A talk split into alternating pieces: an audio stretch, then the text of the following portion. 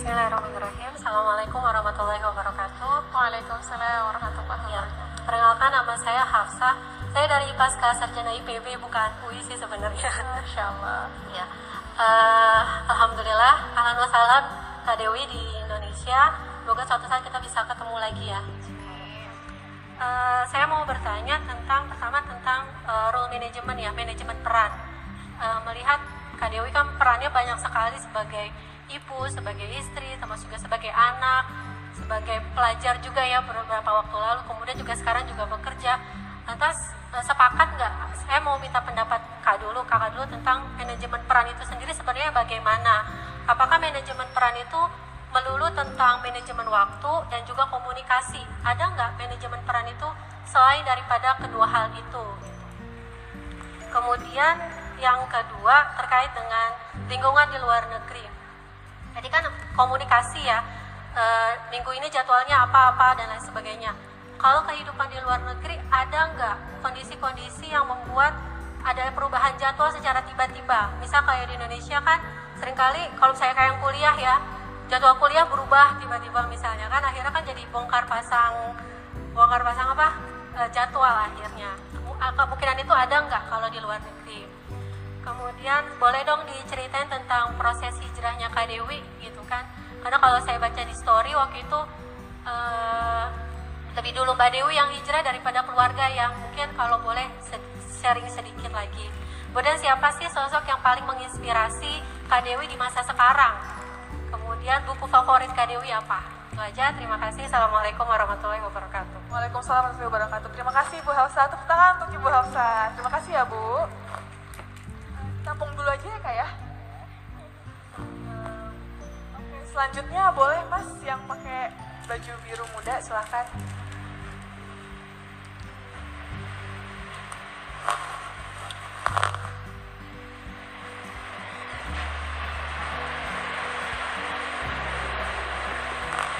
Assalamualaikum warahmatullahi wabarakatuh. Waalaikumsalam warahmatullahi wabarakatuh. Nama saya Irfan Valdi dari Jakarta Timur. Eh, Kak Dewi, eh, mohon maaf saya ingin bertanya, eh, kira-kira apa sih yang membuat Kak Dewi itu bisa berpikiran sampai sejauh itu, sampai bisa berpikiran sepanjang itu, dan mungkin eh, boleh minta bocorin rahasianya kira-kira orang tuanya Mbak Dewi itu dulu mendidiknya seperti apa? Ya, terima kasih. Assalamualaikum warahmatullahi wabarakatuh. Waalaikumsalam warahmatullahi wabarakatuh. Oke, yang ketiga boleh Mbak yang tadi pakai kerudung biru? Ya, silakan. Terima kasih Mas Irfan ya.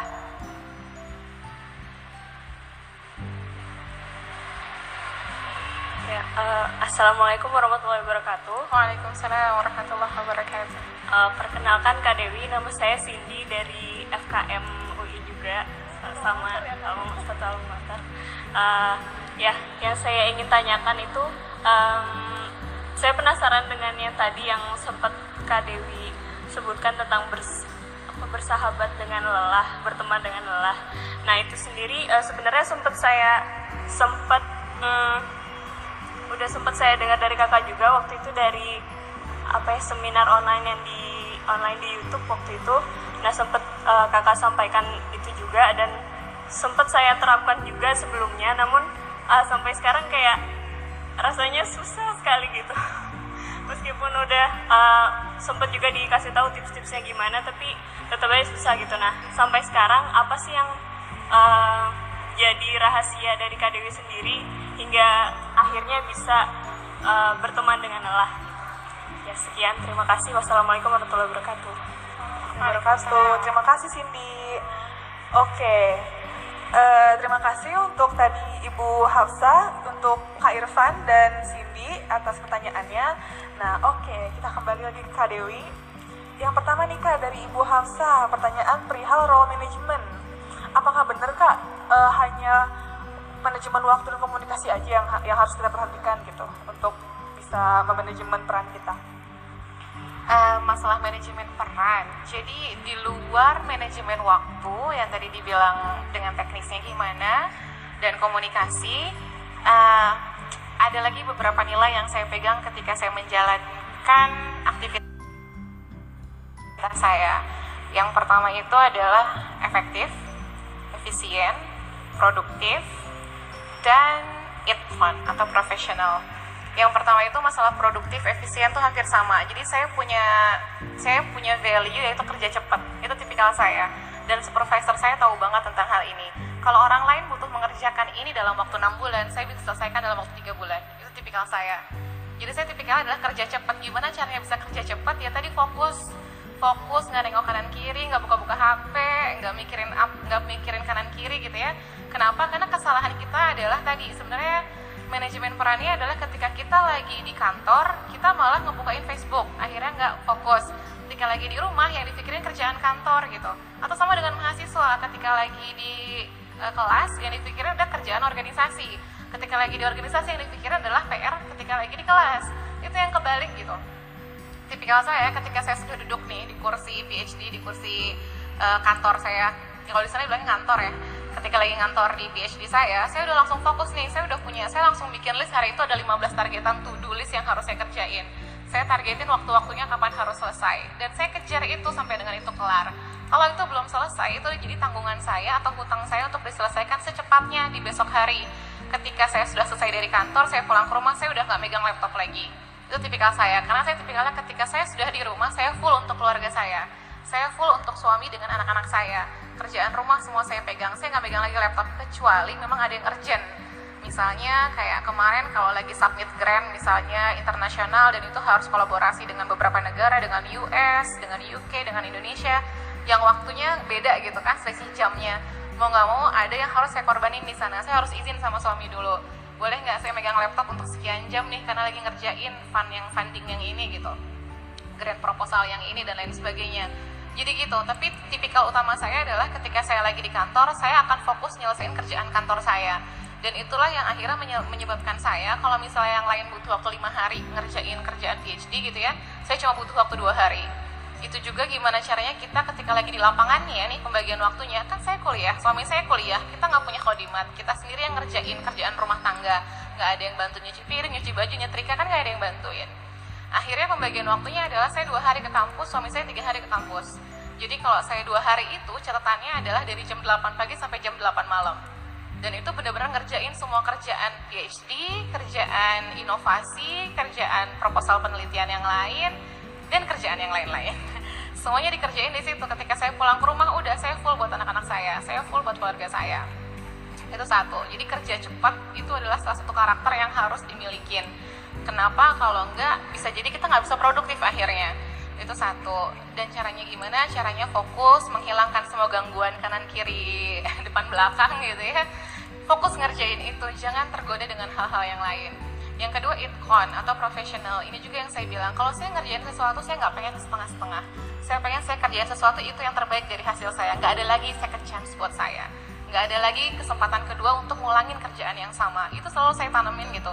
Dan itu juga akhirnya yang mengantarkan saya dengan studi PhD saya misalnya sebagai penelitian-penelitian terbaik. Kenapa akhirnya saya dapat award mulu ketika lagi S3 kan banyak yang nanya ya gimana kak caranya biar bisa dapetin award ke luar negeri? Kok kakak sering banget sih kalau bagi saya sepertinya itu dikarenakan saya nggak pernah setengah-setengah ngerjain ya. Saya selalu mengerjakan yang terbaik. Saya nggak akan bikin excuse ah kan udah capek hari ini. Ah saya kan cuma ibu-ibu yang lagi nyambi PhD jadi kerja ini ya sebisanya aja. Saya nggak pernah kayak gitu. Saya pengen menunjukkan yang terbaik dari diri saya. Kenapa? Saya juga bawa nih alamat Islam di dalam diri saya. Saya mau nunjukin ke supervisor saya look I'm a Muslim and I can do it gitu. Saya bisa kerjain ini orang lain butuh 6 bulan I can do it within 3 months dan supervisor saya tahu banget sama itu gitu. Makanya ketika kemarin lagi revisi tesis gitu ya saya lagi hamil besar uh, supervisor saya tahu oh buat kamu mah ini sebulan selesai. Nggak mungkin yang lain butuh waktu tiga bulan tapi saya percaya kamu akan selesai dalam waktu satu bulan. Kalau yang lain biasanya dikejar-kejar supervisor saya yang selalu ngejar-ngejar supervisor saya. Kita kita uh, bulan ini ngerjain ini ya uh, bulan kedua ketiga begini ya saya selalu ngedikte gitu Kenapa? Karena saya punya perencanaan yang jelas dan supervisor saya akan selalu ngikutin saya bilang apa. Karena saya benar gitu.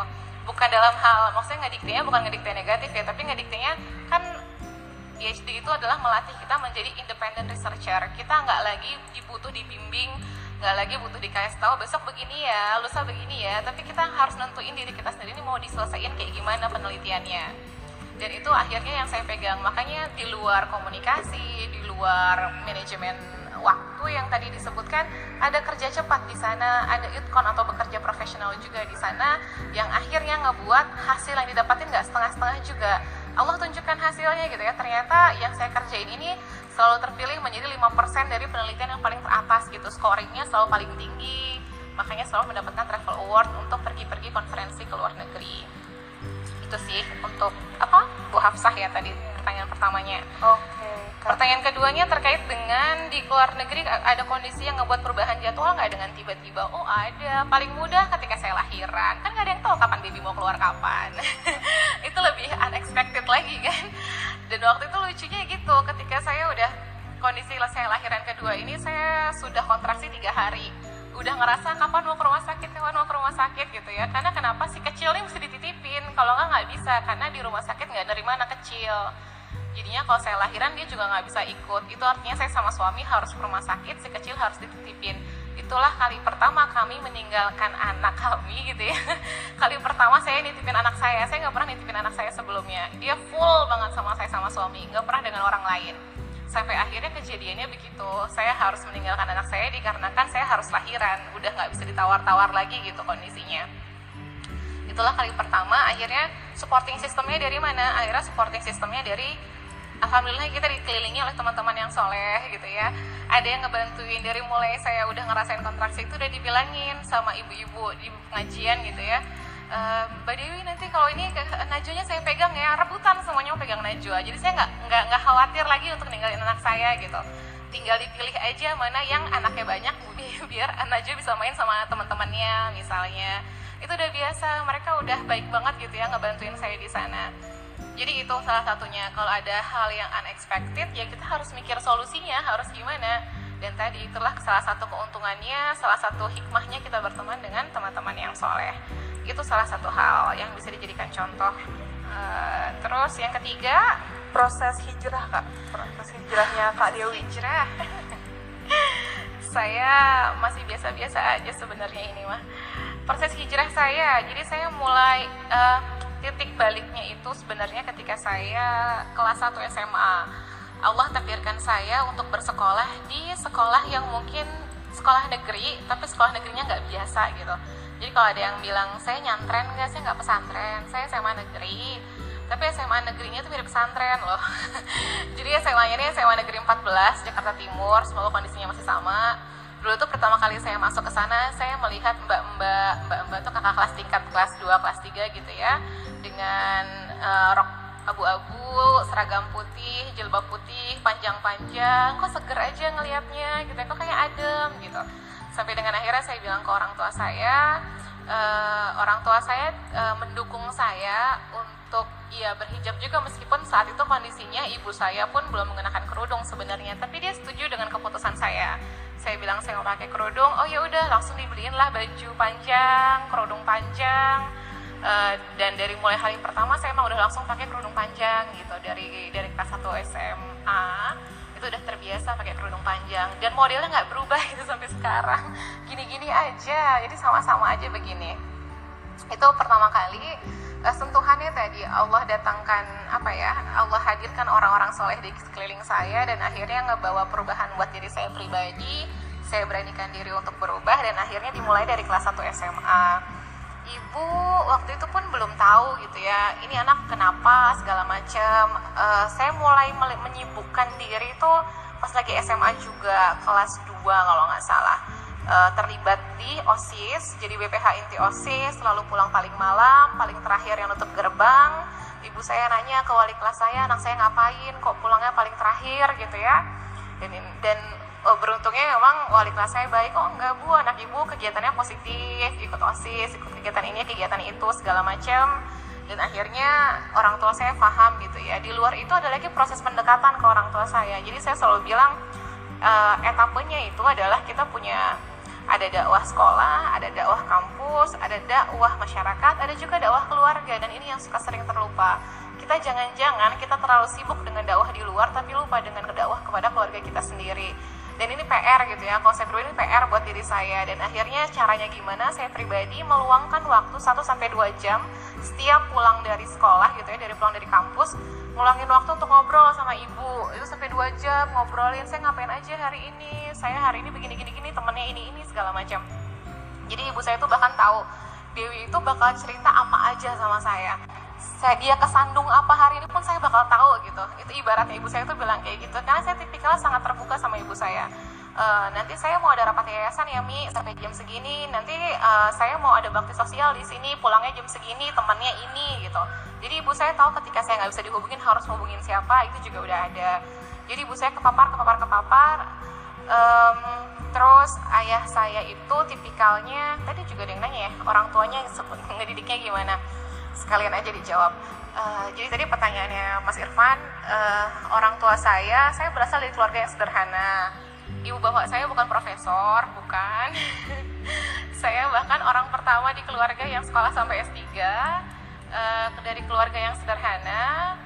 Uh, ibu saya bahkan nggak lulus SD, bapak saya lulus SMP, tapi harus merantau ke Jakarta untuk ngebiayain sekolah adik-adiknya. Itu bapak tapi bapak saya ini tipikal orang yang memang cinta sama agama, baik agamanya. Makanya ketika kemarin uh, bapak saya itu lagi sakit kakinya, susah untuk jalan gitu ya. Saya lucu juga dengar cerita dari tante saya. Dia bilang, "Dek, itu bapak sakit kakinya udah jarang datang ke arisan-arisan RT segala macam. Bapak saya jadi bendahara RT." Uh, eh, akhirnya sekarang setiap ditutup kegiatan itu nggak ada yang baca doa. Karena sama bapak saya selalu mimpin doa gitu. Ketika nggak ada bapak saya semuanya diem. Nggak ada yang bisa gantiin bapak buat bacain doa. Saya ya Allah kok gitu banget ya? Kayaknya yang lain kenapa nggak bisa? Akhirnya cuma ditutup al-fatihah aja katanya gitu. Nah jadi bapak saya tuh sejak kecil di rak buku itu banyak buku-buku buku-buku kayak Riyadul Salihin, Bulugul Marom saya udah baca dari SMP karena bapak saya belinya kayak gitu-gitu kitab-kitab. Jadi kalau Riyadul Salihin saya beli versi baru gitu ya pas saya lagi SMA bapak saya udah punya cetakan 88 cetakan pas tahun saya lahir tuh bapak saya udah punya buku itu Riyadul Salihin yang masih kuning-kuning gitu. Buku-buku lembarannya saya suka baca buku soalnya. Jadi kalau saya lagi iseng gitu ya di rak buku ada apa bapak saya suka baca-baca buku yang seperti itu ya saya baca juga. Dan buku-buku lainnya sampai dengan yang Tanmihul Gafilin itu di Bulgul Marom, Riyadul Salihin itu bapak saya punya. Uh, itu uh, ngedidiknya gimana gimana ya? Saya jawabnya juga bingung ya. Karena tadi bahkan untuk saya nentuin saya mau kuliah di mana aja ibu bapak saya nggak bisa jawab. Ya kan diserahin ke saya gitu saya mau kuliah di mana. Tapi satu hal yang saya ambil di sini adalah kecintaan mereka sama ilmu yang membuat saya sampai dengan hari ini seperti ini. Mereka nggak pernah menghalangi saya untuk sekolah lagi bahkan ngedukung gitu ya. Saya sudah terbiasa mandiri gitu. Jadi kalau misalnya saya kan tadi udah bilang ketika saya lagi S1 saya udah biasa bekerja kerjanya ngapain? Kerjanya tuh ngajar biasalah privat-privat gitu ya. Di luar organisasi yang saya pegang gitu ya amanah organisasi saya juga udah biasa bekerja. Saya nggak pernah dapat uang saku gitu ya. Jadi kalau orang tua tuh cuma ngasih ongkosnya ongkos uh, uangnya tuh untuk ongkos pulang pergi Jakarta Depok gitu. Saya nggak ngekos jadi saya tiap hari PP satu setengah jam atau dua jam gitu ya lubang buaya ke Depok setiap hari seperti itu untuk biaya kuliah saya dapat beasiswa dari fakultas dan ketika S2 juga sama begitu juga. Saya selalu bawa bekal nggak pernah nggak pernah makan di luar selalu bawa bekal dari ibu siapin. Didikannya saya dibiasakan lelah sama ibu saya. Jadi lelahnya bukan lelah gimana-gimana tapi dibiasain sibuk dari Senin sampai Jumat sampai Minggu gitu ya. Selalu ada kegiatan. Jadi saya udah biasa kali ya uh, saya nggak tahu juga tapi adik saya nggak bisa kayak saya. Dia tepar kalau kayak saya. Karena uh, mungkin karakteristiknya beda. Tapi yang saya lihat adalah tadi kalau ibu saya ditanya teori parenting ya nggak bakal bisa jawab. Maksudnya ya karakter ibu gimana ya karakter orang dari desa pindah ke kota kerja di kota pendidikannya juga nggak tinggi gitu ya nggak bisa bantu saya untuk nentuin saya harus kuliah di mana saya mau kuliah ke luar negeri nggak usah catain ini LOA dapatnya gimana bu? Nggak bisa ngejawab gitu. Harus kita yang ngejawab sendiri dan ngarahin diri kita sendiri. Atau misalnya kalau ibu saya tapi yang saya kagum sekali dari beliau berdua ini adalah orang tua saya ini selalu menekankan bahwa tadi kalau misalnya kita bekerja ya udah Bismillah karena Allah kayak gitu Terus kalau ibu saya dia mungkin nggak tahu ya ini maksudnya anaknya gimana caranya bisa begitu? S3 ngapain sih bedanya sama S2 apa juga nggak tahu bedanya gitu ya. Tapi yang ibu saya tahu anak saya ini mau sekolah harus saya dukung. Dan saya udah kebiasaan kan saya kalau tidur ketika S1 maksimal 4 jam ya. ketika saya lagi begadang malam ibu saya tuh pasti uh, nyiapin makanan. Ada jus jambu di sebelah sini ada cemilan di sebelah sini jadi udah biasa.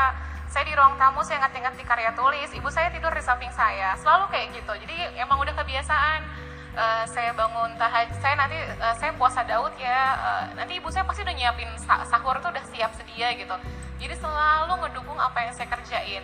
Meskipun mungkin dia nggak tahu ngetik apaan sih dek. Nggak bisa ngejawab juga saya lagi ini ibu bikin PKM ibu juga nggak tahu PKM itu apa tapi cuma tahu anaknya ini lagi sibuk dalam kebaikan. Tugas saya adalah mensupport dia untuk melakukan kebaikan itu. Jadi makanan bekal selalu ada. Jadi makanannya dipastiin halal bersih sehat. Jadi bukan jajanan di luar instan segala macam saya bergadang ngerjain sesuatu ya disediain stok makanan segala macam itu ibu saya. Bapak saya tadi tipikal orang yang mencintai belajar ilmu agama. Jadi akhirnya ya kebawa juga pas dari kecil. Lebih ke arah sana sih. Uh, dan saya selalu meyakini bahwa kalau misalnya saya bisa sampai sejauh ini gitu ya misalnya sampai S3 padahal orang tuanya bukan orang tua yang berpendidikan tinggi. Bisa jadi bukan karena kitanya bukan karena mereka bukan bukan karena mereka nggak punya ilmunya tapi ada bantuan Allah di sana yang bisa jadi kebaikan yang kita dapatkan hari ini karena amal-amal yang udah dilakukan sama orang tua kita. Kita nggak pernah tahu gitu. Jangan-jangan doanya mereka nih yang sebenarnya sudah mampu mengetuk langitnya Allah yang ngebuat kita sampai dengan hari ini. Ini tuh yang jangan sampai terlupa. Bisa jadi mereka nggak paham dengan apa yang dilakukan tapi ternyata doa-doa tulis mereka lah yang telah membukakan pintunya Allah memudahkan jalan untuk kita. Dan yang menjaga kesolehan kita hari ini adalah doa-doa orang tua kita yang bisa jadi mereka nggak paham. Anak yang ngapain dia cuma bisa doa aja. Tapi ternyata doa mereka lah yang ternyata sanggup untuk mengetuk pintunya Allah untuk menjaga kita sampai dengan kita di sini hari ini. Jadi itu sih yang harus selalu diingat. Itu dari latar belakang orang tua saya gimana saya dididiknya kurang lebih itu. Uh, sosok yang menginspirasi dan buku favorit uh, sosok yang menginspirasi balik lagi pasti ya balik lagi ke Nabi Muhammad Shallallahu Alaihi Wasallam. Sosok-sosok sahabiah sosok-sosok sahabat belajar dari mereka. Buku favoritnya apa? Buku akademis banyak buku non akademis yang paling gampang adalah ya tafsir tafsir Al-Quran. Itu jelas buku favorit banget untuk dibaca. Siroh-siroh uh, siroh nabawiyah juga dibahas. Tafsir saya paling suka ngebahas Eh, buku-buku uh, sama suami. Suami itu paling enak tandem partner untuk ngebahas kayak kayak gitu tuh buku-buku kayak kemarin uh, dia ngasih tau gue ada kajian minhajul muslimin ayo datang segala macam misalnya. Dia yang paling senang diajak diskusi untuk hal, hal kayak gitu. Jadi alhamdulillah ada yang ngejagain saya juga untuk nggak cuma berkutat dengan paper-paper ilmiah gitu ya. Yang bikin pala puyeng. Tapi juga dengan buku-buku agama yang harusnya kita juga memiliki kafaah di sana minimal hal-hal wajib yang kita kerjakan sehari-harinya gitu. Uh, pertanyaannya Irfan ya apa yang bisa ngebuat berpikiran sejauh itu? Saya tahu nih sejauh-jauh yang mana ya. Kayak oh, kalau saya sih nangkapnya mungkin kayak uh, kak Dewi ini saya lihat ada sosok yang sangat optimal gitu loh kak sosok yang optimal. Saya nggak optimal. Saya masih nggak optimal masya Allah. Jadi kalau apa pun kebaikan yang misalnya hari ini kalian lihat dari saya itu bukan karena saya yang baik tapi karena Allah nutupin aib saya. Itu aja sebenarnya. Jadi kalau misalnya dibilang kok bisa berpikiran sejauh itu? Bisa jadi saya nggak berpikiran sejauh itu tapi Allah lah yang ngebawa saya sampai sejauh itu. Kenapa Allah ngebawa saya sampai sejauh itu? Ya tadi. Pokoknya prinsip saya adalah libatkan Allah dalam setiap proses kita dalam setiap lini kehidupan kita maka ketika kita menjaga Allah dalam hati kita Allah yang akan ngejaga kita. Dan kalau kadang kita suka lupa gitu ya Allah tuh ada di mana di hati kita. Dan kalau kita ngelupain Allah jangan-jangan Allah lupa sama kita. Jadi yang mesti diingat tadi pokoknya jaga Allah di mana pun kalian berada. Insya Allah Allah yang akan menunjukkan jalan sejauh apa pun kalian ingin mencapai. Allah yang akan jaga Allah yang akan bawa Allah yang akan mudahkan perjalanannya Cindy FKM UI berteman dengan lelah rasanya kok susah? Apa rahasianya bisa berteman dengan lelah? Uh, berteman dengan lelah. Jadi tadi saya bilang mungkin saya sudah terbiasa capek kali ya itu pertama. Dan suami saya mengakuin sih dia mengakui bahwa saya adalah superwoman bahkan superwoman gitu dia bilang. Karena kalau dia ngikutin jadwal saya dia juga tepar ternyata. Nggak bisa gitu nggak bisa kayak saya. Saya tipikalnya udah pulang ke rumah saya masih langsung masak gitu ketika udah pulang jam 8 malam 9 malam saya langsung ke dapur saya langsung masak lagi gitu yang mungkin orang lain nggak bisa kayak gitu tapi yang saya selalu percayai adalah ketika kita meminta sama zat yang maha kuat, maka zat yang maha kuatlah yang akan menguatkan kita. Apa yang ngebuat kita kuat ketika kita ikhlas menjalankannya, ketika kita bekerja dengan iman. Ketika kita bekerja dengan iman, Allah yang akan ringankan. Kenapa? Karena kita menyandarkannya kepada sesuatu yang kekal, kepada sesuatu yang gak akan hilang. Mengakarkan motivasi kepada Allah itu yang paling utama. Ketika kita, ketika kita mengakarkan motivasinya bukan sama Allah, tapi kepada manusia, ya udah itu akhirnya bersifat sementara aja ketika sandaran motivasi kita hilang kita udah nggak udah kita udah dimotivated lagi gitu tapi kalau motivasinya sama Allah Allah yang akan ngejaga kalau kita bekerjanya dengan iman kita akan senang kita akan ngerasa ringan nggak ada yang berat nggak ada yang capek nggak ada yang lelah kalaupun kita lelah balikin lagi sama Allah dan berharap semoga Allah jadikan lelah kita hari ini sebagai sesuatu yang membuka keriduan Allah kepada surganya udah itu aja dan saya selalu percaya bahwa jangan sampai hari ini nggak capek gitu. Saya selalu percaya itu kenapa? Karena saya takut kalau nanti ternyata Allah tidak mendapat Allah nggak mencatat kebaikan apa pun sama saya di hari ini. Dan bisa jadi di antara keletihan-keletihan yang mana kita nggak tahu keletihan yang mana di hari yang mana, yang ternyata itu lebih ikhlas karenanya itu yang akan membawa kita ke surganya gitu. Jadi berteman dengan lelah gimana caranya? Caranya cuma itu aja mengakarkan motivasinya sama Allah bukan sama yang lain. Bekerja dengan iman maka semua akan terasa ringan dan menyenangkan.